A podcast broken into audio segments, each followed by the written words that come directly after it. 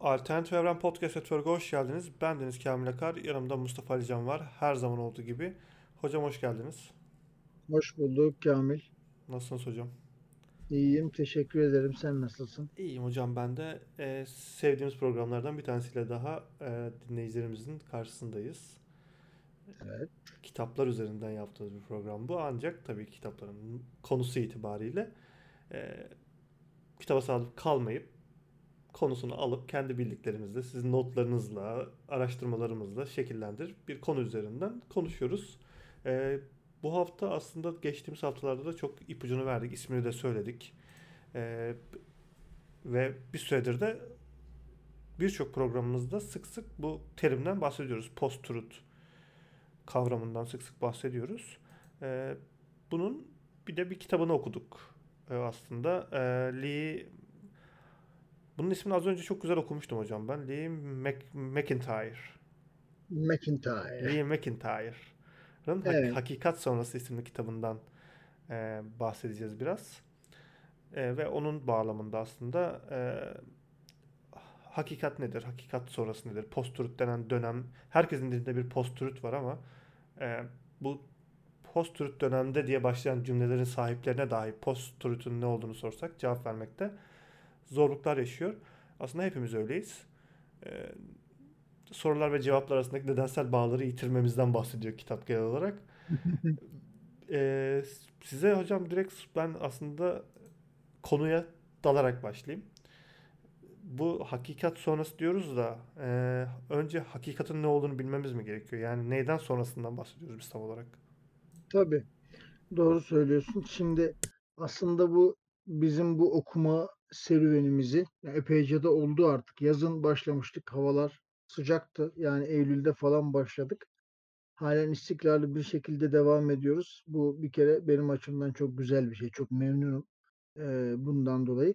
Bir yılın böyle dolmasını işte birinci yıl dönümümüzde hocam şu kitabı okuyorduk falan diyebileceğimiz günü sabırla bekliyorum. İnşallah o günü görürüz.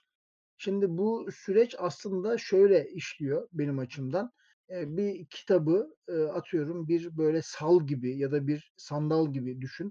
Ona binip bir şekilde onun, verdiği kavramlar üzerinden başka, eee, birtakım metinlerle de ilişki kurarak, notlar ara alarak, daha böyle, denize açılmak gibi, o kavramların dünyasına açılmak gibi bu şekilde işliyor bu bizim sürecimiz. Zaten senin de dediğin gibi bu iş daha önceki programlarımızdan itibaren, hani, dijitalleşme, işte, yapay zeka eee, falan gibi özellikle, işte, eee, bu iktidar meselesi üzerine en son yaptığımız enfokrasi, eee, programı yine bununla ilgiliydi. Yani, birkaç aydır, doğrusu aynı meseleler etrafında dönüyoruz. Dolayısıyla bu döndüğümüz meseleler, üzerinde konuştuğumuz, tartıştığımız, düşündüğümüz meselelerin bizi otomatik olarak getirdiği bir yer oldu bu.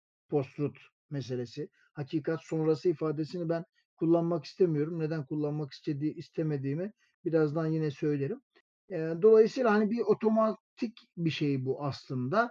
Eee, post-truth çağı konuşulmaya başlandı ve bu son yıllarda zaten bak 2016'da literatüre giren bir kavram bu. Daha önceleri, hani, çok belirsiz bir biçimde, eee, hakikatimsi falan tarzı birtakım kullanımlar var.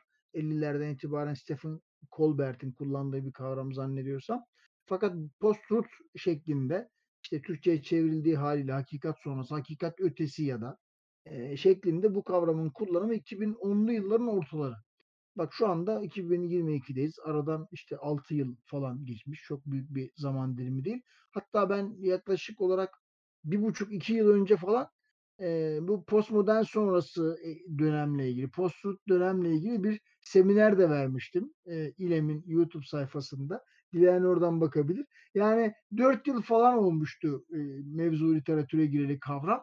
Fakat 4 yıl içerisinde, birkaç yıl içerisinde çok ciddi bir biçimde konuşulmaya ve tartışılmaya başlandı. İlgi çekti. Hâlen, eee, devam ediyor ve daha da devam edecek.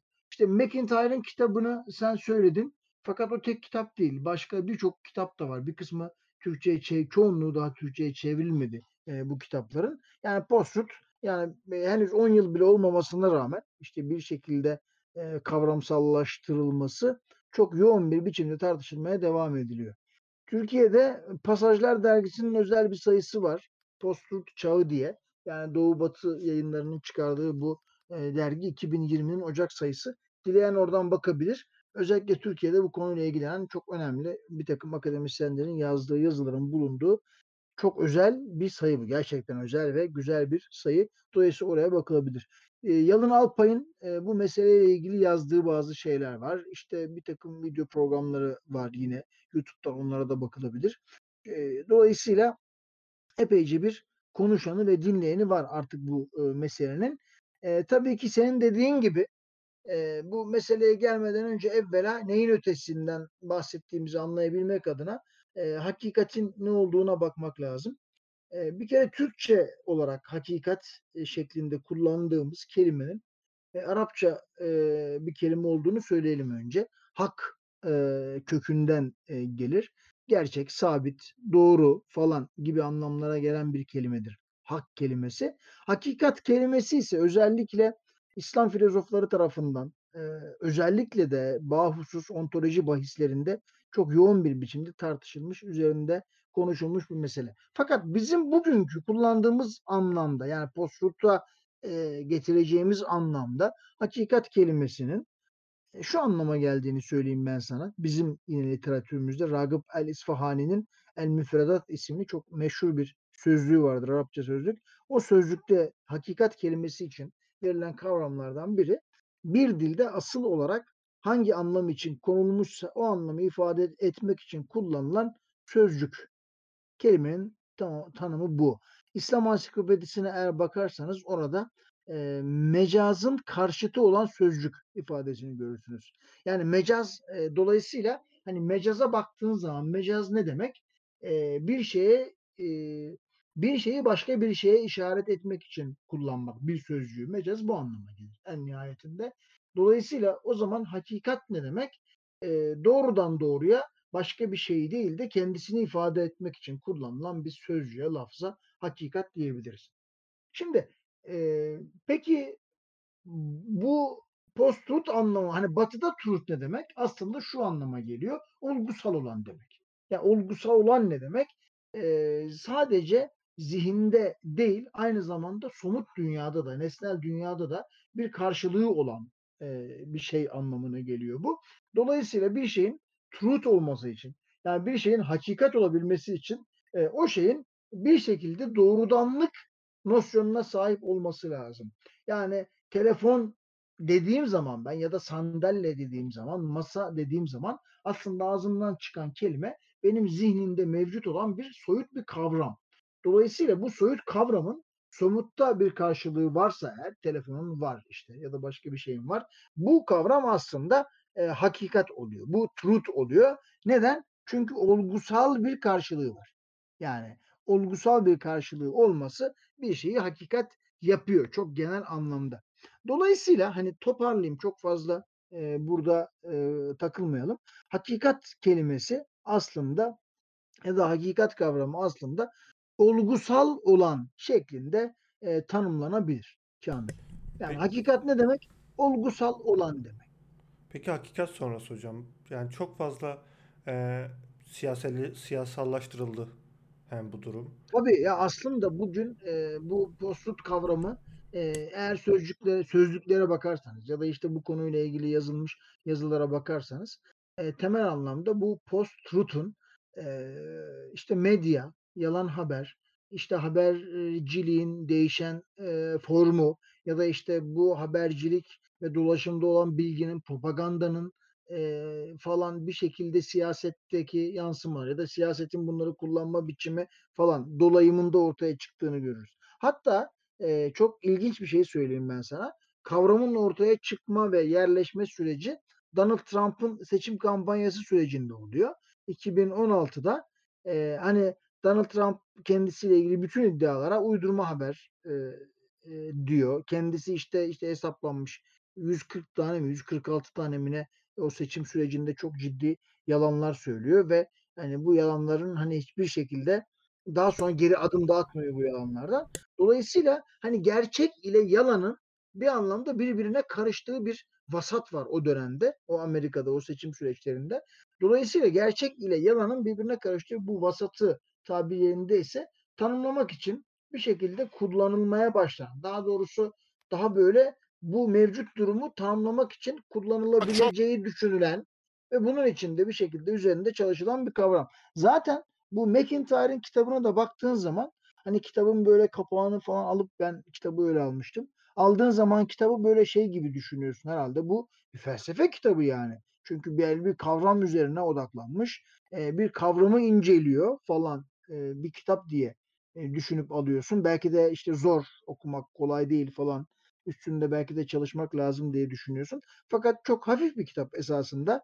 E, bir gazeteci diliyle yazılmış, gazeteci mantığıyla yazılmış. Belli çerçevede haber, e, televizyonculuk, konvansiyonel medya, sosyal medya gibi hani popüler meseleler üzerinden tamamen kurulmuş e, bir metin. E, dolayısıyla hani bir anlamda e, meselenin e, felsefileşmesi sürecinin bu anlamda tam olarak da hani sonuçlanmadığını, sona ermediğini falan söyleyebiliriz. Ama bu McIntyre'ın kitabı tam manasıyla post-truth'la alakalı olarak biz işte ne öğrenebiliriz? Her şeyi öğrenebilir miyiz? Ya da bu meseleye ilişkin bütün tartışmalara nüfuz edebilir miyiz? diye soran birinin sorularına tam cevap vermiyor. Onu net bir biçimde söyleyelim.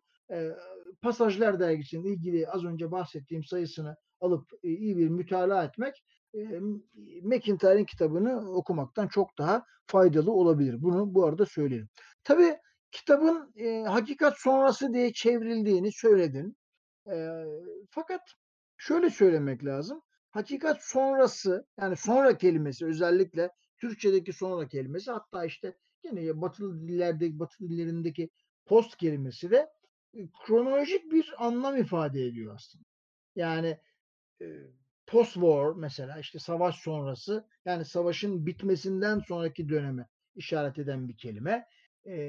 mesela postmodern ya da postmodernizm kelimesi aslında böyle hepimizin kafasında hep şu bir modernizm diye bir çağ var, bir dönem var. E, postmodernizm ise o modernizmin e, bitmesi ya da bir şekilde aşılmasından sonra ortaya çıkan bir dönem gibi. Hani kronolojik bir göndermesi var. Fakat buradaki post-truth kavramında hani neden hakikat sonrası dememek lazım onu söylemeye çalışıyorum. Post-truth sonrasında ise post-truth kavramında ise postun e, kronolojik bir anlamı yok aslında. Yani post burada e, işin esası hakikatin aşıldığını, geçildiğini, artık geride bırakıldığını, kronolojik olarak yeni bir evreye girildiğini falan değil.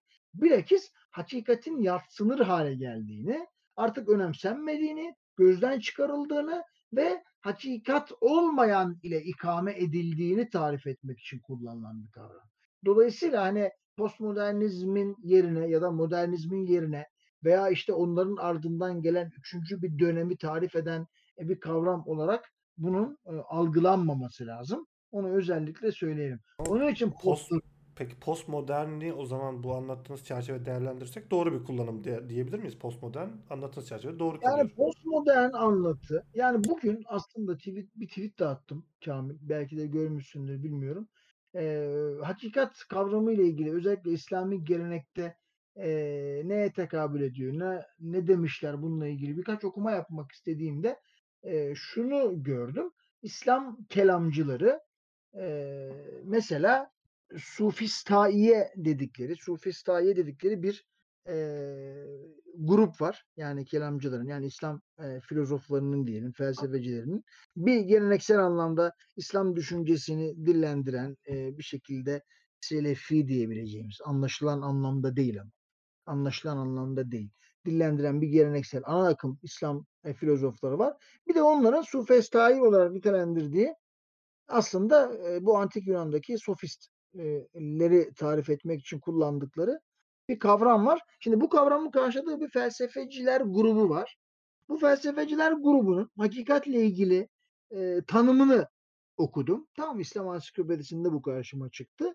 Mesela diyor ki bu Sufestai'ye göre yani Sufestai dediğimiz o zümreye mensup olan filozoflara göre ki bu ne zaman bu zaman? Yani bu bahsedilen dönemler 8, 9, 10. yüzyıl, işte 11. yüzyıl buralar falan diye düşünebilirsin. Bunlara göre nesne hiçbir hakikat değeri taşımaz. Taşısa bile biz bunu bilemeyiz. Nesnenin bireysel kanaatlere göre değişen farklı hakikatleri vardır. Sabit bir hakikat yoktur.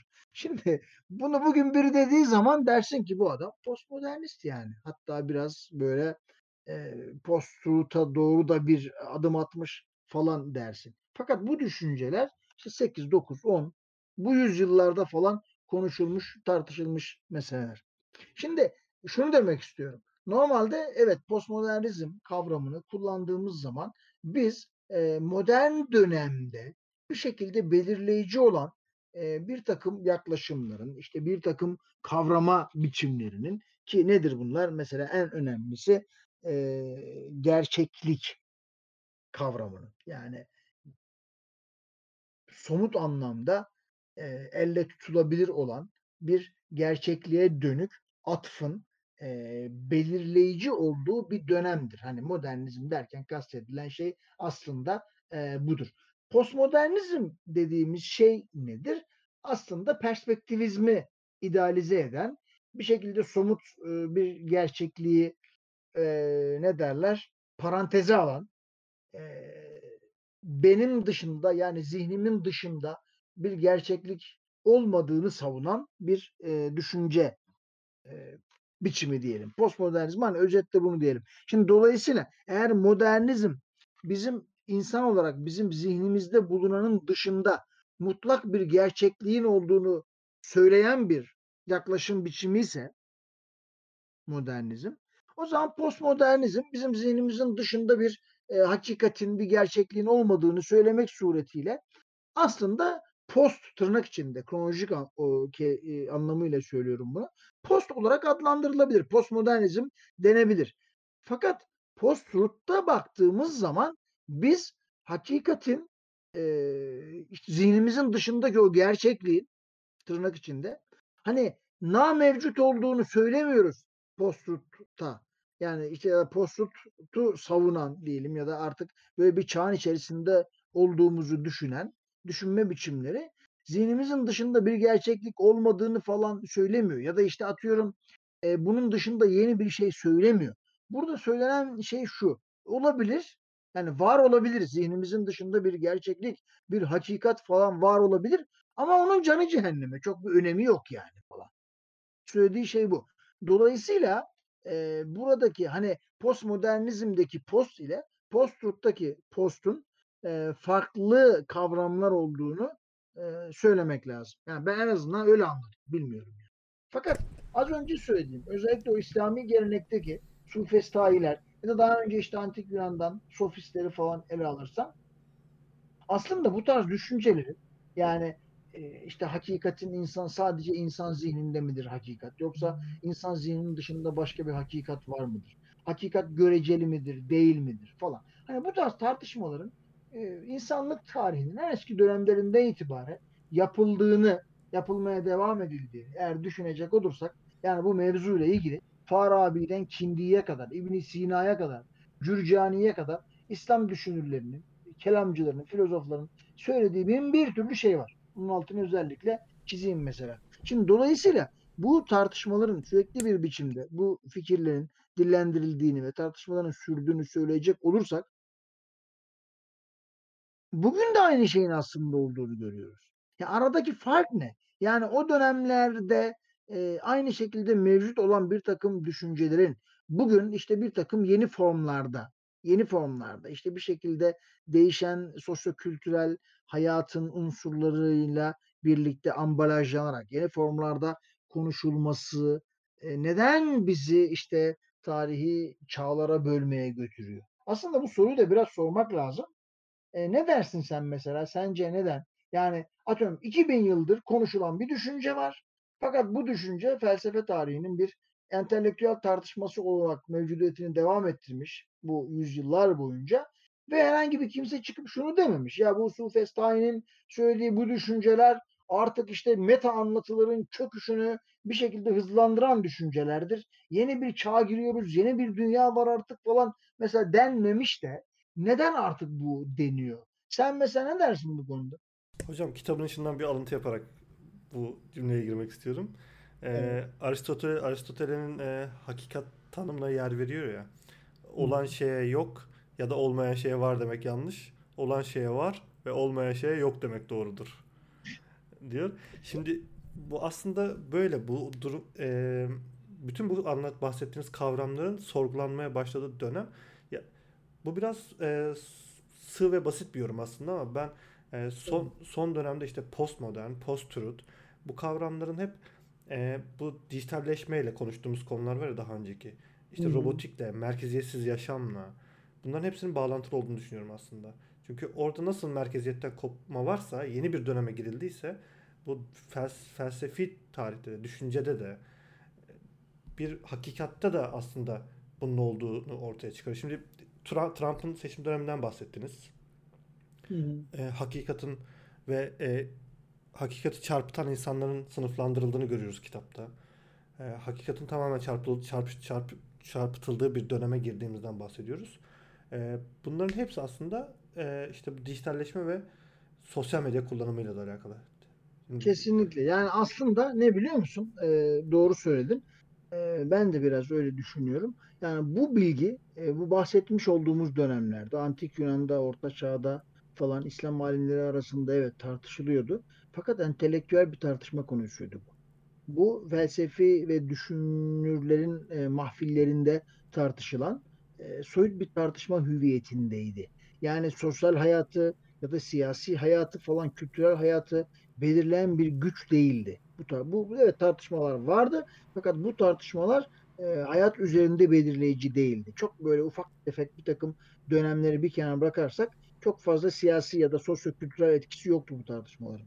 Yani bu tartışmalardan toplumun çok büyük bir kesimi haberdar falan bile değildi. aynen. Fakat bugün artık bu tartışmalar e, bir kitleselleşti, anonimleşti. E, bir diğer mesele artık belirleyici olmaya başladı. Yani bu tartışmaların e, sonucunda artık siyasal perspektifler belirlenebiliyor.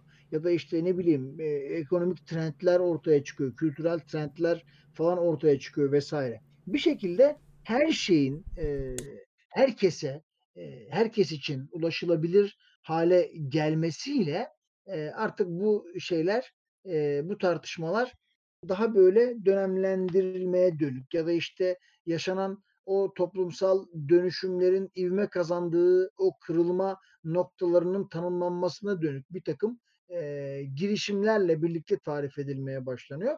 Onun için aslında bu dönemlendirme e, çalışmaları yapılıyor. Yani işte modernizm diyoruz, postmodernizm diyoruz, post-truth diyoruz falan. Hani bunu diyor olmamızın sebebi hayatımızda yaşanan bir takım dönüşümler var, bir takım değişimler var belli dönemlerde gerçekleşen. Bu değişim ve dönüşümleri tanımlamak için geçmişe dönük bir okuma yapıyoruz.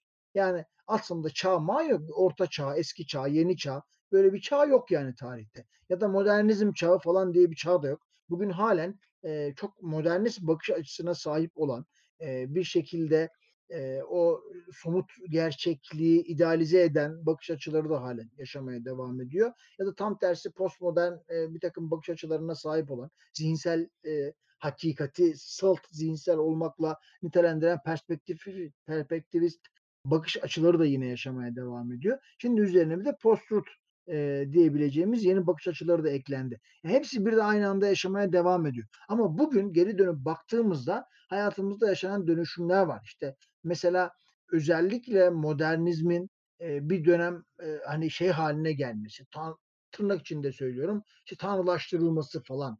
E, hani bu aydınlanma, işte e, ondan sonra bir takım keşifler, ekonomik bir takım gelişmeler, işte sömürgecilik falan bütün bunlarla bağlantısız değil. Anlatabiliyor muyum? Ya da işte eko, teknolojik bir takım gelişmeler, silahlar vesaire bütün bunlarla arasında bütün bunlarla modernizm dediğimiz şey arasında çok yakın bir bağlantı var. E, Birinci Dünya mesela e, modernizmin sorgulanmaya başladığı, kavga meselesi haline geldiği e, dönem ne zaman? İşte 40'lardan falan sonra işte Foucault'lar, Derrida'lar falan vesaire ile birlikte başlayan süreç. Neden o zamanlardan sonra?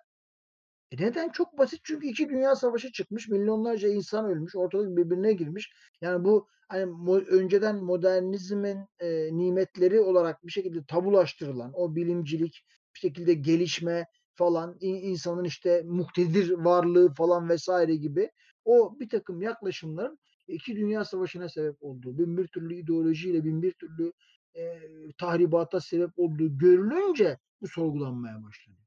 Ve ondan dolayı oraya bir çizgi konuluyor. Yani bu modernizm. Ama bakın son, sebep olduğu sonuçlar bunlar. Neden bu sonuçlara sebep oluyor bu?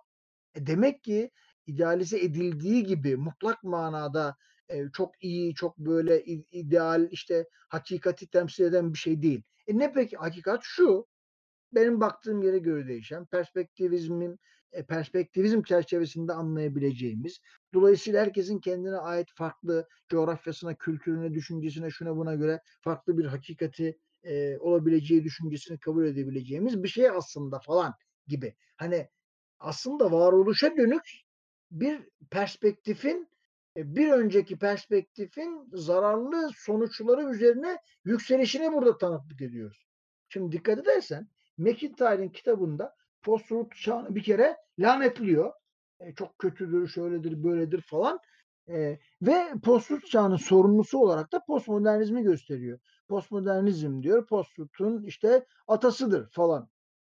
Şimdi doğru mu? Yani nispeten belli açılardan baktığımız zaman tabii ki doğru. Çünkü neden? Bu post-truth'un aslında temel anlamda dayandığı şey aşırı perspektivizm. En nihayetinde e, işte Derrida ile birlikte başlayan işte o yapı sökümünün e, bir şekilde artık işte o lakamlarla falan işte bilinç dışının çözümlenmeye başlanması falan vesaire gibi bir takım yaklaşımların en nihayetinde siyasete, kültüre, ekonomiye, şuna buna aklına gelebilecek her türlü olguya uygulanmaya başlamasıyla birlikte artık elimizde ufalanan bir varoluşun olduğunu gördük hep beraber. Ve bu bazı kötü kullanımlara, bazı istismarlara da sebep oldu. Neden sebep oldu? Örnek veriyorum. Sen diyelim bir sosyologsun. Ben de bir yapı sökümcü olarak diyorum ki kardeşim senin ortaya koyduğun bütün bu tezler, anlayışlar, değerlendirmeler tas tamam kendi senin siyasal bakış açınla alakalı. O bakış açılarından dolayı sen bu yaklaşımları ürettin. Yoksa bunları üretemezdin. İşte şunu şundan dolayı dedin, bunu bundan dolayı dedin. Aslında senin yaptığın şey bilim falan diyorsun ama e, işin esası bilim falan değil yani. Kendi sah sahip olduğun bir takım bilişsel önyargıları e, bir şekilde doğrulama peşindesin sen. Şimdi postmodernizm bunu söyledi. İşte bir e, antropoloğa, bir tarihçiye, bir işte atıyorum sosyoloğa falan. Fakat bu postmodernizmin argümanlarını kullanan bir kesim de çıktı. Şunu dedi. E, tıpçılara ya da işte eczacılara ya da işte fen bilimcilere ya da matematikçilere dedi kardeşim nasıl e, tarih perspektife dayalıysa, edebiyat, felsefe perspektife dayalıysa, sosyoloji perspektife dayalıysa, hatta yeri geldi işte arkeoloji bir sömürge bilimi ise falan vesaire tıp da aynı şeydir. Tıp da olgulara belli bir noktadan belli bir perspektiften bakılarak oluşturulmuş bir şeydir. Belli olguların öne çıkarılmasıyla elde edilen bir şeydir. Evet su 100 derecede kaynar ama suyun 100 derecede kaynaması için bir takım koşulların olması lazım. O koşulların olmadığı yerde o su 100 derecede kaynamaz. Dolayısıyla buradan mutlak bir ilke de çıkmaz gibi bir bilim inkar aşırı derecede bir bilim inkarcılığına, bilim düşmanlığına falan vesaire e, dönüştü ve en nihayetinde bugün geldiğimiz nokta biraz orası.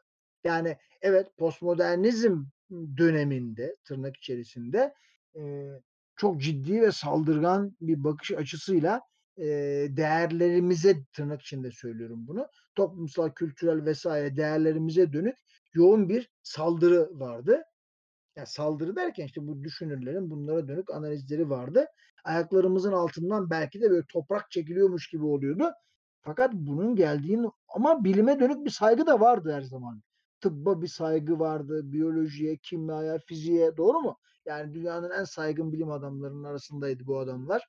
E, fizikçiler örneğin ya da matematikçiler vesaire. Fakat bugün geldiğimiz noktada artık o saygı da kalmamaya başladı. Buradaki mesele bu. Yani bugün bir fizikçi örnek veriyorum ya da bir e, biyolog e, çok rahat bir biçimde e, biyolojik silahlar yapan bir e, bir işte kendi bir, bir bilimsel birikimini e, işte terörizmin hizmetine vermiş bir şekilde onlara katkı sağlayan bir figüre dönüşebilir ya da bu şekilde kavranabilir, algılanabilir yani. Ya da bu şekilde e, inşa edilebilir ona dönük bir imaj. Ve buna bütün artık her şey müsaade ediyor. Bütün şartlar da müsaade ediyor. Dolayısıyla hani e, tarihsel anlamda belki McIntyre'ın dediği gibi e, postmodernizmin e, çok aşırı bir biçimde e, etkili olmasının sonucu belki post-truth çağını hızlandırmıştır ya da onu ortaya çıkarmış olabilir. Ama en nihayetinde bunun doğal olduğunu da kabul etmek lazım. Yani şimdi biz kalkıp şunu diyemeyiz. Yani Derrida tamam kalktı yapı sökümünü e, inşa etti. Bu yapı sökümünü biz sadece edebi metinlerin, sanatsal metinlerin çözümünde kullanacağız. Bunu başka bir alana uygulay uygulamayacağız. Uygularsak sorun olur. Bunu diyemiyorsun. Bunu demen mümkün olmuyor çok fazla. Dolayısıyla bunun doğal bir sonucu olarak insanlar her şeyi sorgulamaya devam edecek. Ya da bu manivelaları kullanarak bir şekilde o e, yapı sökümünü sadece bir edebi metin mesela 1980'lere kadar yapı sökümü edebi eleştiri olarak edebi metinleri analiz etme aracı olarak kullanılıyordu. Ama bugün geldiğimiz ama şimdi bu kullanılmayacak gibi de değil biliyor musun Kamil? Şimdi yapı sökümü temel anlamda ne demek? İşte her şeyin bir takım yapılardan oluştuğunu, bu şeyleri anlayabilmek için de o yapıları parçalamak ve teker teker analiz etmek gerektiğini söylüyor. Yani özetle bu şekilde söyleyebiliriz. Mesela Derrida'cı yapı sökümünde bir yazar bir şey yazdığı zaman e, o anlattığı metinde e, hani e, bir anlamı aktar aktarıyordur belki falan ama o metin onun aktarmak istediği anlamdan çok başka şeyler de aktarır aynı zamanda. Dolayısıyla o metni yapı söküme tabi tuttuğunda o metnin içerisinden onun belki de söylemek istemediği şeyleri bile çıkarabilirsin. Örnek veriyorum. Sen kalkıp bana e, sallıyorum. E, dedin ki ben Cuma'ya gideceğim hocam mesela dedin. Bir cümle. Bu sadece bir cümle. Normalde bana neyi haber veriyor? Kamil Cuma'ya gidecek. Bir bilgiyi veriyor. Fakat bu bilginin arka ben bunun üzerine düşündüğüm zaman, bunu yapı sökümüne tabi tuttuğum zaman bu cümleyi oradan bir sürü şey çıkarırım. Doğru mu? Senin işte cuma namazı ile ilgili hassasiyetinden, dine bakışından, toplumsal duruşundan, siyasi görüşünden vesairesinden kimisi doğru olur, kimisi yanlış olur falan vesaire. Ama normalde senin söylemediğin ve söylemeyi amaçlamadığın hiçbir şekilde benim düşünmemi de e, hedeflemediğim birçok şeyi ben o cümleden çıkarırım. Çok hani basit bir örnek bu. Ama bütün metinler de bu şekilde okunduğunu düşünsene sen. Tabii. Dolayısıyla ne oluyor? Hani bir yazar kendi metni üzerinde e, e, belirleyici özne değil. Şimdi bunu sen siyasete uygula ya da işte ekonomiye uygula bu bakış açısını. Örnek veriyorum bir siyasetçi ortaya koyduğu siyasi perspektifin uzantılarını ya da arka planını falan e, birçok bilinç dışı sağ için yönlendirdiğinin bilincinde bile değil mesela. Hani bir şey yapıyorsun, e, siyasi bir eylem ortaya koyuyorsun. Fakat bu ortaya koyduğun eylemin sonuçları hiçbir şekilde senin hesapladığın, planladığın sonuçlar değil mesela. Şimdi iş doğru dolayısıyla hani bu bakış açısı öyle bir bakış açısı ki insanın tabii ki postmodernizmin doğası gereği hani perspektivizm e, doğası gereği insanın kendi zihninde dönen ya da zihninin işleme biçimleriyle alakalı olan bir bakış açısı olduğundan dolayı bunu mecburen başka alanlarda da kullanmaya başlıyor. Yani şöyle düşün. Okuma yazmayı öğrendin sen. Şunu diyebilir misin? Ya ben okuma yazmayı öğrenmeden önce daha iyiydim. E, dolayısıyla ben bu okuma yazmayı unutayım. Unutayım. Daha önceki halime döneyim e, o daha iyi olayım falan. Bu okuma yazma bana büyük sıkıntı çıkardı. Bu, bu senin diyebileceğin bir şey mi değil? Dolayısıyla hani bir anlamda o postmodernizm e, dediğimiz şeyin hani e, bugün postut den, denilmek istenen şeyi bir şekilde otomatik olarak doğurmasından daha doğal hiçbir şey yok zaten. Fakat burada hani onu bir günah keçisine dönüştürmemek lazım. Çünkü onu günah keçisine dönüştürürsen o zaman şunu da derim ben. E, postmodernizmin atası modernizmdir. Bu sefer modernizmi Modernizm evet, olmuş olur. Modernizmdir. O zaman modernizmi suçlamıyor. Kardeşim bu modernizm olmasaydı insan bu kadar olgucu olmasaydı, bu kadar aklına tapınmasaydı, bu kadar aydınlanmayı mabut haline getirmeseydi o zaman başımıza bu postmodernizm belası gelmeyecekti. O onu doğurdu. Bunu diyebilir misin? Tabii Dersin. Ki. Bunu dediğin zaman bir başkası kalkıp sana şunu der mi? Evet tamam doğru söylüyorsun ama orta çağdaki özellikle o şey bakış açısı din merkezli bakış açısı bir şekilde mecburen bunu doğurdu otomatik olarak. O bakış açısı olmasaydı insanlar bu kadar radikal bir biçimde aklı kutsallaştırmazlardı, mutlaklaştırmaz. Bunun böyle sonu gider yani. Tabii. Dolayısıyla burada hani e, in, az önce söylediğim örnek bence çok e, güzel. Hani okuma yazma öğrenmişse bir insan artık okuma yazma bilen bir insandır. Dolayısıyla e, onu o şey üzerinden suçlamanın bir alemi yok. Bir de bu bir araç ya Kamil. Yani şimdi bu bir araç. Şimdi sosyal medyayı suçlayabilir miyiz? Dijitalleşmeyi suç, suçluyoruz ya da suçlayanlar falan var ama hani bu bu mantıklı bir şey değil ki. Hocam onunla ilgili en güzel örnek silah örneğiydi. Yani so- silahın Evet. silahın icadı da aynı şeye benziyor. Ama onu e, veya işte ateşi veya kılıcı her şeye örnek verebilirsiniz bunun için. Hani onu kullanan insanın aslında onu kötüye kullanması veya kötüye alet etmesi. Hani burada meta olarak o silah, e, kılıç vesaire değil hatalı olan onu kullanan insanın suçu. Kullanım alanı aslında. Tamamen onunla alakalı. Ve bunlar sebep sonuç ilişkisi. Hani sonuçtan dolayı sebebi suçlamak biraz mantık dışı kalıyor gerçekten. Tabii ki. Burada ama şu şunu da söylemek lazım. Hani işler biraz kontrolümüzden çıkmış durumda. Tabii ki tabii ki. Yani örnek veriyorum bir eski çağda, bir orta çağda işte bir takım nesnelerin, düşüncelerin, fikirlerin falan vesaire kullanımının işleme biçimiyle bugünkü işleme biçimi aynı değil.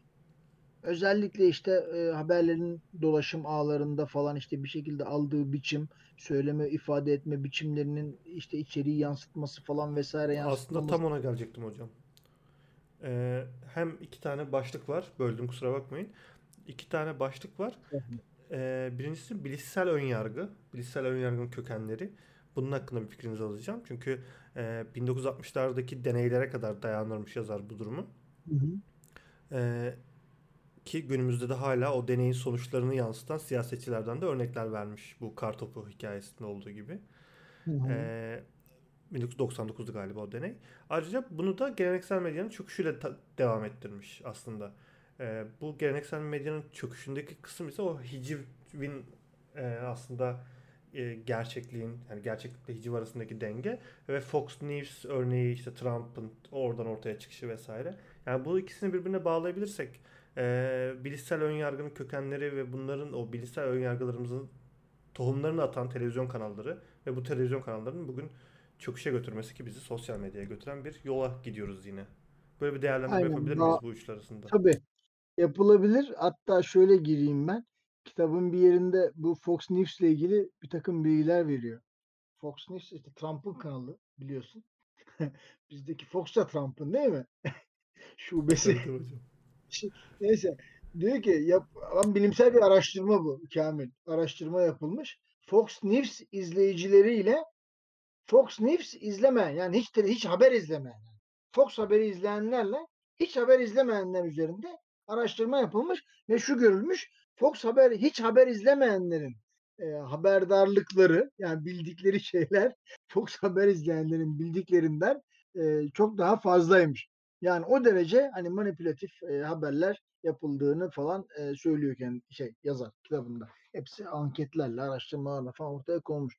Şimdi Kamil bilişsel önyargı dediğimiz şey aslında yani yazarın o şekilde söylediği şey e, hatta bir de orada doğrulama sapması diye başka bir kavram daha var. Doğrulama sapması. Bu iki kavramı zaten çok yoğun bir biçimde kullanmış. Çok özel kavramlar bunlar. Açıkçası açıklayıcı da kavramlar. Şimdi bunlar temel anlamda bizim e, perspektifimizi yansıtan, e, perspektifimizi belirleyen e, bir takım e, öz kaynaklarımızın olduğuna işaret eden kavramlar. Yani biz bir şeye baktığımız zaman aslında o şeyi görme biçimimiz biraz da bizim kendi aklımızla hani aklımız böyle nötr bir mekanizma olarak aklımızla değil de bir şekilde işte bizim kendi siyasi düşüncelerimiz, dünyaya bakışımız, tecrübelerimiz falan vesaire ile birlikte şekillenen bir mekanizma bizim aklımız. Dolayısıyla biz e, zihinsel olarak meselelere aslında bakarken ön yargılıyız. Belli bir takım ön yargılarımız var. Bunun dışında bu ön yargıların ötesinde bir de bizim meselelere bakarken doğrulama sapması dedikleri özellikle psikologların kendi düşüncelerimizi doğrulamaya meyilli olduğumuza dair de araştırmalar var. Yani senin karşına iki tane haber çıkıyor diyelim sosyal medyada. Birisi senin düşünceni olumlayan ve doğrulayan bir haber. Diğeri de senin düşünceni yanlışlayan bir haber diyelim. Biz bireyler olarak temelde bizi doğrulayan haberleri almaya, retweet etmeye, inanmaya, kabul etmeye, doğru olduğunu bir şekilde e, savunmaya meyilliyiz. Bir kere bunun altını özellikle çizelim. Tabii ki bunun e, özellikle e, son yıllardaki bu sosyal medyanın artık büsbütün merkezini yitirmesi, artık kaynak denen şeyin büsbütün ortadan kalkması ve yazarın bir kullandığı başka bir kaynak şey kavram daha var. Kaynak amnezisi. O da çok güzel bir kavram. Yani diyor ki bu kaynak amnezisi demek hani bir yerde okumuştum, bir yerde duydum, böyleydi falan bir bir haberdarım aslında ben bundan. Bir yerlerde duydum gibi. Hani böyle bir bizim gene böyle bir e, durumumuz var insan olarak. Hepimizin zaten gündelik hayatta bir şekilde kullandığı bir şeydir de bu. Bir yerde okumuştum ya da bir yerde gördüm e, ifadesi. Bu da aslında tırnak içerisinde bir takım verilerin bizim e, e, zihnimize yerleşmesi için, yerleşebilmesi için hazır bir zemin olduğunu falan e, gösteriyor. Ve en nihayetinde bugünkü medya, özellikle internet medyası dediğimiz medya artık bunu e, çok iyi bir biçimde kullanabilen, rahat bir biçimde işleyebilen, bilen, işleyebilen bir medya türü. Şimdi aslında şu söylenebilir. E, konvansiyonel medyanın özellikle egemen olduğu 80'lerde, 90'larda falan e, biz o zaman aslında çok fazla bilgiye ulaşma imkanına sahip değildik. Bu e, medyayı yöneten insanların ya da yönlendiren insanların bir şekilde bilmemizi ve öğrenmemizi istediği şeyler dışında bir şeyler öğrenemiyorduk falan. E, dolayısıyla aslında internet medyası çağında daha özgürüz, daha işte irademizi kullanabilecek durumdayız. Daha fazla seçeneğimiz var gibi şeyler söylenebilir ama böyle değil. Neden böyle değil? Çünkü geleneksel medyada evet, yanlış haberler vardı, maksatlı yönlendirmeler, propagandalar falan vesaire vardı. Fakat Kamil altını çizelim. Bütün bunlar olgu merkezliydi, olgu temelliydi. Yani çok sık anlatılır ya işte bir müftünün eee, şeyi çalınmış, keçisi çalınmış. Eee, bu tek parti döneminde eee, geçen bir hadise. Eee, bir yerde okumuştum. Kaynak hamlesi bak. Ya, bu yaygın anlatılan bir hikayedir. Müftünün keçisi çalınmış. Müftü gitmiş gazeteye demiş ki ya benim keçimi çaldılar falan. Tabii o dönemde din, din adamlarına falan e, bakış açısı çok olumsuz olduğundan dolayı ertesi gün gazetede müftü keçi çaldı diye haber yapmıştı. Şimdi aslında buradaki haber evet yanlış bir haber, maksatlı bir haber, kötü bir haber, olumsuz bir haber, kurgu bir haber ama en nihayetinde bir olguya dayanıyor. Bir keçi var, bir hırsızlık var, bir müftü var falan vesaire. Dolayısıyla hani konvansiyonel medyanın böyle bir özelliği vardı. Ve en nihayetinde olgusal bir haberi doğrulamaya dönük bir imkan, bir fırsat, bir olasılık da her zaman vardır. Müftiye sorarsın, bir şey yaparsın. Bir şekilde hani en nihayetinde o haberin doğrulanma ihtimali ya da yanlışlanma ihtimali var. Fakat özellikle internet medyasının e, yükselişe geçtiği bu dönemde öyle bir durumdayız ki artık haberlerin doğru ya da yanlış olması bir kenara. Zaten post bu anlama geliyor. Haberler doğru yanlış o bir kenara. Bu haberlerin olgusal olup olmadığını bizim teyit edebilecek durumumuz yok. Diyelim ki internette bir Eee, görüntüyle karşılaştı. Bir cinayet görüntüsü, bir başka şeyler görüntüsü falan. Bu görüntülerin orijinal olup olmadığını tespit edebileceği mekanizma bile yok elinde. Yani bugün eee, örnek veriyorum geçenlerde işte Düzce'de bir deprem oldu. Allah beterinden saklasın. Geçmiş olsun Düzceli kardeşlerimize. Hisseden herkese geçmiş olsun. Şimdi mesela şöyle bir haber yapsan sen. Desen ki Düzce'deki deprem e, işte özellikle bilmem kim tarafından yaptırıldı. Bunun amacı da işte şuydu. O bölgede işte bilmem hangi partinin oyları çok yüksek olduğundan dolayı böyle bir işte deprem yapılıp orada bir kaos oluşturup o kaosun sonucunda işte bir şekilde oradaki o güçlü siyasal düşünceyi e, seyreltmek, oradaki oy oranlarını düşünmek amaçlanıyordu diye bir haber yapsam. Bununla ilgili bir iki uz tırnak içinde söylüyorum. Hani İsviçre bilim adamları var diye bir zamanlar. Hani uzman görüşüne falan başvursan, böyle kurgu bir haber yapsan, buna inanacak sence insan var mı? Kesinlikle Dünya var. kadar insan Fazlasıyla. buna inanacak. Tabii ki çok ciddi derecede fazlasıyla buna inanacak insan var. Ve bunu hani hiç sorgulamadan bir şekilde kendi aslında sorgulama mekanizması var. Sorgulama mekanizması ne biliyor musun? Bireyin kendi zihnine içkin bir mekanizma o. O komplo teorileriyle beslenmiş, işte bir takım siyasal saçma sapan düşüncelerle zehirlenmiş bir mekanizma var. Hepimizin zihninde var o bir anlamda. O mekanizmanın içine sokuyorsun. Bunlar böyle bir şey yapabilir mi acaba? Evet yapabilir. Bunlar daha önce şunları şunları da yapmıştı. Şimdi dikkat edersen dı- dışarıda somut bir şey olmuş yani. Deprem olmuş, işte video görüntüleri var falan filan vesaire. Ama birileri çıkıp diyor ki kardeşim bu video görüntüleri öyle sizin bildiğiniz gibi değil. Bunları yapay zeka ile yaptılar. Özellikle oluşturuldu bunlar. Aslında şöyle değil böyle değil. Ama bir kısım insanlar kalkıp diyecekler ki evet mümkündür. Hatırlarsan şey bu kitapta da var örnekler işte Trump'ın e, Trump'ın adına e, onaylanmış işte bir takım oy pusulaları falan bulunmuş Kaliforniya'da şurada burada. Hatırlarsın seçim dönemlerinde de bizde Kağıthane'de bir depoda bilmem kaç bin tane işte AK Parti oyu bulundu, sahte oyu bulundu. Yok CHP'nin oyları yok sayılmış işte bir Arnavutköy'de bir Bodrum'a atılmış falan. Şimdi bu tarz haberlerin mesela artık eskiden mesela bunu yaptın diye konvansiyonel medya döneminde biri bu haberi yaptığı zaman şunu ona sorabilirdin. Yani nereden yaptın, niye yaptın, kim söyledi, hani bunun kanıtı ne, belgesi ne falan diye sorabilirdin. Fakat öyle bir dönemdeyiz ki bugün artık e, timeline'ımıza düşen haberin kaynağına gidebilme imkanımız yok. Nitekim Am- Amerika'da Trump'la ilgili, Hillary Clinton'la ilgili mesela birçok haberler falan yapılmış. Yalan haberler o dönemde. Makedonya'dan biri yapmış. Makedonya'dan bir tanesi girmiş internet bir site açmış haberi yazmış. Niye yaptın?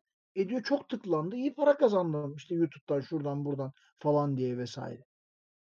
Ve en nihayetinde hani istediğimi anlatabiliyor muyum? Olgusallık büsbütün kendi yitirilmiş durumda. Dolayısıyla burada tarif edilme hani postut kavramıyla tarif edilmek istenen şey bu. Bütün bunların tabii ki evet internetle işte geleneksel medyanın artık çöküşü falan ile hani bunu hep konuşuruz. Daha önce bir Hürriyet gazetesiyle röportaj verdiğin zaman meşhur olurdu. Eğer bir mankensen sen hani ünlü manken diye senin bir haberini yapardı bir posta gazetesi, başka bir gazete falan. Normalde manken falan değildin. O, orada çalışan belki muhabirin kız arkadaşısın diyelim. Ya da erkek arkadaşısın neyse. Ünlü manken diye seninle bir röportaj yaparlardı. Hop bir hafta sonra işler açılırdı. Mankenlik dünyasında birden en öne çıkardın. Herkes Şimdi böyle, şu anda böyle bir şey var mı? Şu anda imkansız. Mesela müzik albümleri milyonlar satardı ya. Milyonlar, 3 milyon, 4 milyon, 5 milyon satan müzik albümleri vardı. Bugün 3 milyon, 4 milyon, 5 milyon satan müzik albümü mümkün mü ya? Nüfus neredeyse iki katına çıkmış. Gene o şekilde bir albümün satması falan mümkün mü? Değil. Yani o konvansiyonel medyanın etkisini evet gösteriyor. Fakat bugün gelinen noktada artık öyle bir durumdayız ki hani Çuhan'ın e, kitapları üzerine konuşurken de söylemiştik. Tas tamam kendimize ait, kendimize özgü, büsbütün kendimiz dolayımında doğrulayabildiğimiz bir takım dünyalar kurduk. Twitter'da e, hoşuma gitmeyen birinin paylaştığı bir tweet'i gördüğüm zaman hemen arkadaşlarımdan çıkarıyorum. Bir daha onun hoşuma gitmeyen şeyler paylaşmasını görmüyorum. Ya da Facebook'ta işte benim düşünceme ters gelen bir takım haberler falan paylaşan birini gördüğümde arkadaşlıktan çıkarıyorum. Bir daha görmüyorum. Bu şekilde ne oluyor? Süreç içerisinde benim timeline'ım benim gibi düşünen kişilerin paylaştığı şeylerle doluyor. Yani ne oluyor Kamil? Benim kendi sesimin bir yankısına dönüşüyor. Yani ben söylüyorum, ben işitiyorum. Ve ben bunu sürekli bir biçimde gördüğüm zaman şunu diyorum. Ha, demek ki benim düşüncemin taraftarları herkes benim gibi düşünüyor zaten. Aslında peki böyle bir şey var mı? Yok. Yani biz seninle diyelim ki 5 kişi bir arada oturuyoruz. Eee, bu 5 kişiden 4 tanesi aynı partiye oy veriyor ya da aynı şeyi düşünüyor. Bir tanesi farklı düşünüyor. Bu 5 kişiden hareketle diyebilir misin ki eee, bu 5 kişi çok eee, şey örnek olarak alınabilir. Eee, Türkiye'de bir dahaki seçimlerde %90 oranında şu parti iktidara gelecek. Denebilir mi? Denemez. Neden? Çünkü orası bambaşka bir eee, bambaşka sahiplerle bir araya gelmiş, birbirine yakın, benzer hatlar üzerinden ilişki kurmuş, belli bir takım sosyokültürel arka plana sahip olan, belli bir takım ortaklıklar üzerine bir araya gelmiş insanlar bunlar. Bunların arasında yapacağın anketin ya da bunların düşüncelerinin hiçbir şekilde geneli gösterebilecek bir tarafı yok. Şu anda büsbütün bizim zihnimiz ve sosyal medyadaki bir şekilde var olma biçimimiz büsbütün buna dönmüş durumda. Yani bizim artık kendi sosyolojik varlığımız bile olgusal zeminini yitirmiş durumda. Yani biz seninle işte online program yapıyoruz, online sohbet. İcabında 5 sene hiç görüşmüyoruz. Ama 5 sene çok ciddi sohbetimiz, arkadaşlığımız, dostluğumuz var falan vesaire. Dikkat edersen olgusal zemin yok artık yani. Kaybolup gitmiş. Şimdi bu buradaki gidince haberdeki de gidiyor. Başka şeylerdeki de gidiyor. Az önce söylediğimiz gibi nasıl o postmodernizmin o parçalayıcı, dekonstrükte edici bakış açısı bir yerden çıkıp her tarafa yayılmışsa buradaki bu olgu, olguya ilişkin zemin kaybı da bir şekilde artık her tarafa doğru yayılmaya devam ediyor. E şartlar da müsait. Şartlar da müsait olduğundan dolayı bunun önüne geçmek falan mümkün değil. Yazar bir takım önerilerde bulunmuş McIntyre şöyle yapmamız lazım böyle yapmamız. Fakat çok naif buldum onun önerilerini. Gerçekleşmesi zor gibi. Diyor ki nasıl diyor uydurma haberler diyor internet kanalıyla yayınlanmışsa ve yayılmışsa ve insanlar üzerinde çok ciddi etkide bulunmuşsa ve bu uydurma haber yoğunluğu bu kötü enformasyon yoğunluğu nasıl iyi doğru enformasyonu boğmuşsa diyor o zaman diyor tam tersi de olabilir. Yani iyi enformasyon kötü enformasyonu da boğabilir. Dolayısıyla yapmamız gereken bir şey var. İyi enformasyona yatırım yapmak, daha çok iyi, doğru haber sorguladığımız, bir şekilde olgusal gerçekliği teyit ettiğimiz haberleri paylaşalım, edelim, yapalım falan diye. Ama dediğim gibi bu çok net bir bakış açısı. Hocam son olarak sizden bu kadar konuştuktan sonra bu e, kavramlar ve bu dönem hakkında e, hem yazar, yazarın da aynı kaygıyla kitabı sonlandırdığını görüyoruz. Size de, size de aynı soruyu soracağım aslında benzer soruyu. Peki bu hakikat sonrasıyla nasıl mücadele edebiliriz? Yani yazarın söylediklerini naif buldunuz. Çözüm önerilerini naif buldunuz. Evet doğru. Fazlasıyla naif buldum. Sizin öneriniz yani, nedir bu konuyla ilgili? Doğrusu benim e, hakikat sonrasının e, yazarın hakikat sonrası dediği post-truth'un diyelim mücadele edilmesi gereken bir şey olduğunu doğrusu düşünmüyorum. Yani bizim düşmanımız falan değil bu. E, bu bir e, bir vasat bu. Bir şekilde kendimizi içinde bulduğumuz bir vasat. Dolayısıyla hemen buradan hareketle e, evet postmodernizm bitti artık onun yerine işte bir post çağ başladı. Bu post çağ şöyle korkunç, böyle tehlikeli falan vesaire demiyoruz. E, kendimize bakıyoruz. Kamil.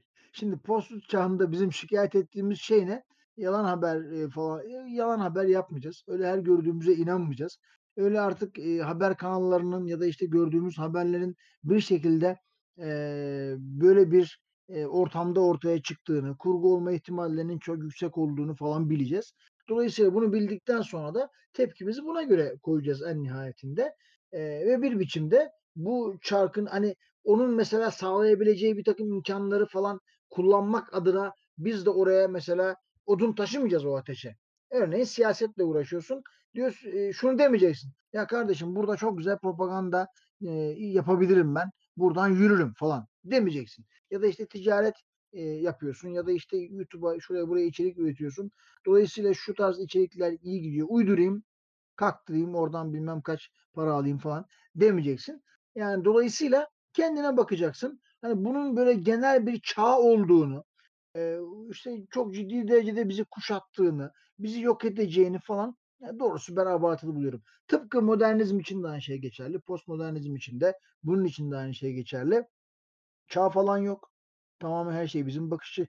Yok postmodernizme doğru savruluyorum. Çağ falan yok. Tamamen mevzu bizim e, bakış açımızla, meseleyi kavrama biçimimizle alakalı. Her zaman şunu söylüyorum Kamil. Arkadaşlarıma da söylerim derslerimde genelde. Bütün bu bakış açıları, bütün bu görüşler, düşünceler, uydurma haberler, sahtekarlıklar, propagandalar, kalpazanlıklar tarihin her döneminde vardı. Eski çağın Mezopotamya krallarının mesela yazıtlarını falan oku. Bildiğin böyle uydurma, propaganda bilgiler, uydurma haberlerle doludur.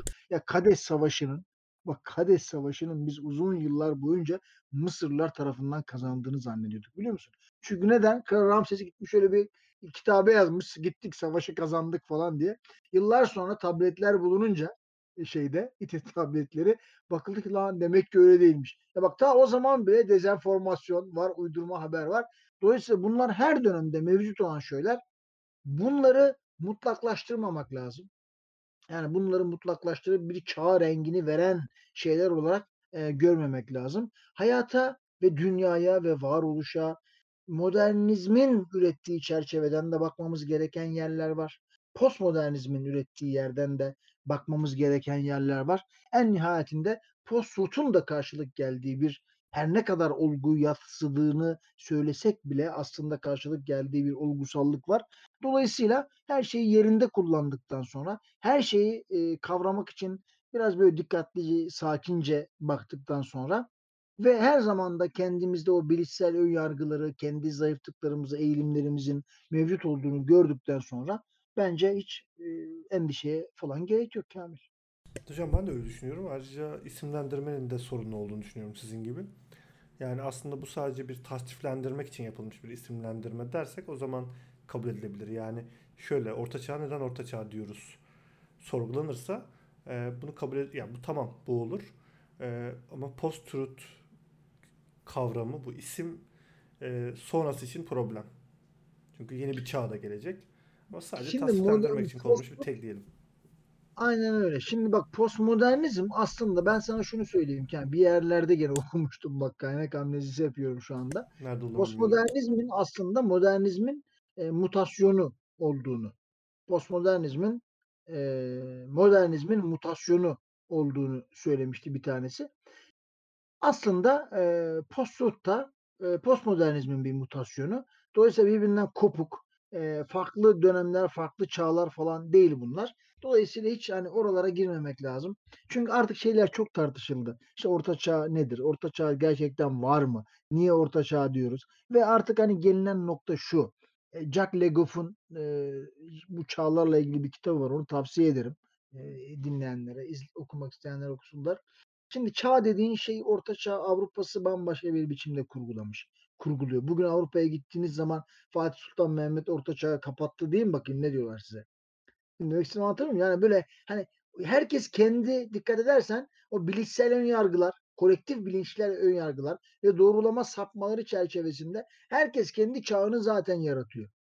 Dolayısıyla hani böyle mutlak manada böyle bakarak, görüp bir şekilde tasvir edip oluşturduğun herhangi bir şeyin herkes için hiçbir şekilde mutlak manada geçerli olamayacağını, olmadığını artık gördük. Dolayısıyla bugün post çağı diyorsun da ya bugün internetin olmadığı, elektriğin olmadığı yerler var dünyada.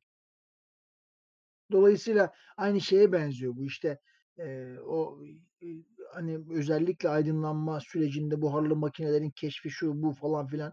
Ya işte ilkel koşullarda yaşayan insanlar vardı Afrika'da. Yani e, barutu falan gördüğü zaman, ateşli silah gördüğü zaman işte Amerika'da e, tanrıların gazabı falan diye gören yerler vardı. Yani dolayısıyla hani bu çağlar aslında bu çağ ifadelerini kullanan insanların kendi çevrelerinde gördüklerinden oluşturdukları kavramlar.